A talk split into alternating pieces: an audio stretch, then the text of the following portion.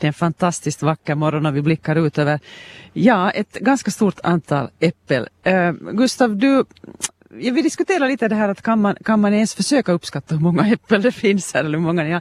hur, hur gör man det ifall man ens försöker?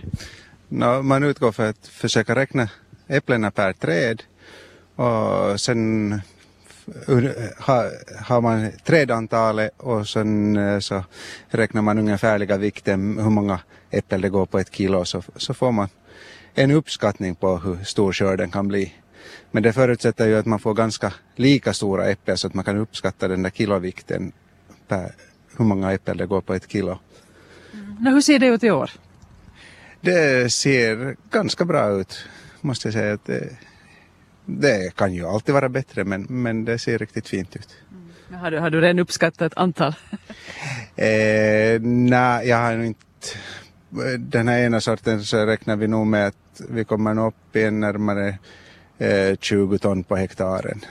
Men, men någon desto mer har jag inte räknat. Mm. Vilken sort är det vi har här? Det är Nanna vi har står bredvid här. Mm. Det är den som vi håller på att plocka just nu. Så. Hur många olika sorter har ni? Ett tjugotal, kanske närmare 30 men, men säg ett tjugotal så, så då är vi på säkra sidan. Mm. Och vilket är det som är mest populärt kan man säga det? Eh, no, det är nog troget Lobo är nog ganska po populär sort för vår del ännu. Att, att det är en gammal beprövad sort som, som folk känner igen. Så. Mm. Gustav Knape, alltså här på Brödtorp i Pujo. Eh, du berättade att du tog över i fjol eh, den här gården och, verksamheten men att du har, du har ju varit med sedan barnsben i princip så även, även din fru Janina. Eh, hur är det att, att vara äppelodlare? Då?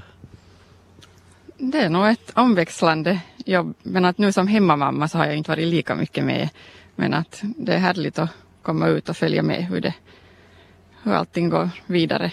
Allt är ju olika varje år förstås, men, men det är härligt. Du berättade att era, era två barn är i startgropen också för att bli äppelodlare, men inte ännu, inte ännu riktigt. Ja, de är jätteintresserade och det är fint att följa med hur de tycker om men om vi då tittar alltså, just som du konstaterat att, att alla år är olika och, och, och säsongerna även, även ledes. Hur har den här torra sommaren då påverkat er skörd?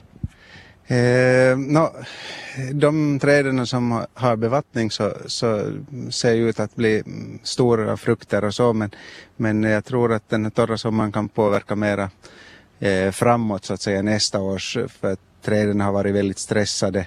De har inte kunnat eh, av, avdunsta på, eller de har försökt stoppa avdunstningen, det vill säga de har haft för mycket vatten som går igenom träden. Att, att eh, frågan är att har vi kunnat förbereda dem för nästa år tillräckligt mycket att vi får en bra blomsättning i, i nästa vår. Men, men det ser vi sen.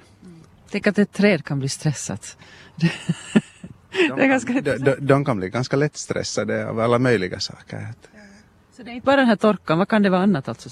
No, alltså en, en av orsakerna, eller metoderna att få, få fram eh, fin blomsättning är ju att stressa trädet. Det är egentligen det vi gör med beskärningen. Att vi försöker få dem att sätta blom där vi vill. Och det är ju en form av stress det också. Men det är ju en kontrollerad form. Att nu har vi haft en okontrollerad form av stress den här sommaren. Så, så, så därför är vi lite osäkra på hur det påverkar. Men om man då jämfört med, ska vi säga en mera normal sommar eller en eh, fjolåret, så hur, hur är det då? No, för äpplenas skull så är nog själva fruktens skull så är den här sommaren betydligt bättre. Vi var tre veckor sena i fjol med, med frukten och den var väldigt ojämnt mogen och, och sånt här. Att i, i det, jämfört med det så, så är det ett väldigt bra år det här. Mm. Men eh, sen fruktkvaliteten så, så återstår sig lite att hur, hur hållbarheten är under hösten. Ja. Men att det du har sett så här långt så den är ändå hyfsad? Ja, den är bra. Den är riktigt bra. Nej, men eh, då när folk kommer hit för att plocka eller så Janina, så vilken, vilken sort är det man helst går liksom söker sig till och, och frågar efter? Vad, tyck, vad har du märkt? Smaken är nog olika bland folk men att de väljer nog gärna Just nu är Nanna populär och, men att sen frågar de alltid efter att vad kan man baka med och då är den här transparent plansch jättepopulär. Och Så det är nog bara att fråga så kan vi hjälpa till. Att vad man vill ha. Hur mycket kommer det människor hit just för att plocka? Nu ser man alltid ett, ett antal bilar per dag. Och sen träffar man alltid nya människor per år.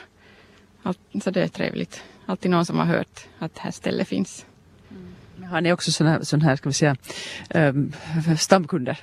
Jo, absolut. Alltid de som man känner som har varit här i många år och sen just nya. Så det är fint. Eh, Kan du berätta ännu Gustav, att liksom, nu står vi ju bara och ser på en bråkdel av era, av era odlingar, men hur stort är det här? Hur mycket äpplen finns det?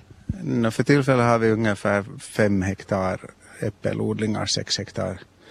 Och plan, I planerna finns ju nog att plantera till, till no, några områden som har tagits bort för att träden har varit lite, lite för gamla så, så ska vi ersätta med nya men, men det, det är under behandling. Är ni liksom så här i ert slag, ska vi, eh, ensamma här eller finns det konkurrens i regionen?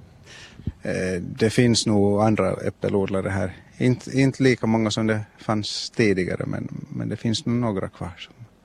Men jag skulle nog se det som mera, mera synergieffekt att, att vara fler än, än att konkurrera direkt. Att, att jag, jag ser, ser det nog att man lä, kan lära sig av varandra hellre än att konkurrera ut varandra. Mm. Och de här äpplena, de som inte plockas här, så de åker ju iväg då vart? Nå, eh, delvis åker de direkt till, till de lokala handla, handlarna i Karis och Pujo och, och, och till några, eller en torghandlare och eh, sen säljer vi också till partiaffär. Så, så de, de tar vägen lite hit och dit. Men har ni också planer på det här med att liksom förädla saker och ting, man tror? Vi har lite planer nog men att det är ännu planer. Så vi får se vad det Det, det ligger, li, ligger, man måste göra en sak i taget. Nu för tillfället bygger vi en ny sorteringslinje här hemma som, så att vi ska kunna hantera just den här eh, frukten som går ut på den lokala marknaden eh, bättre här hemma. Så, så, så sen när vi har det färdigt så ska vi se vad vi, vad vi hittar på framöver. Tröttnar man någon gång på äpplena? Ja, det vet man ju inte i framtiden men att tills vidare så smakar de väldigt gott. Och vi tycker om dem här. Så. Men vad gör en äppelodlare på vintern då? Det är mycket planerings och beskärningsarbeten och, och, och eh, så att säga förberedande för följande säsong. Alla möjliga sorters kalkningar och, och just beskärningsdelen är ju en stor, stor arbetsdel av, av det hela. Och sen så har vi ju fruktförsäljning ända fram till, till januari. Så, så det är, vintern är inte så lång för en äppelodlare för att vi har, har så att säga varor att sälja hela vägen och sortera och sköta om. Men ännu är det soligt och varmt då. och som sagt säkert ett annat äpple som blir klart för att man kan ge åt läraren sen till hösten. Men hörni, tack ska ni ha Gustav och, Janina Knape här alltså på Bröttorp i Pujo. Tack.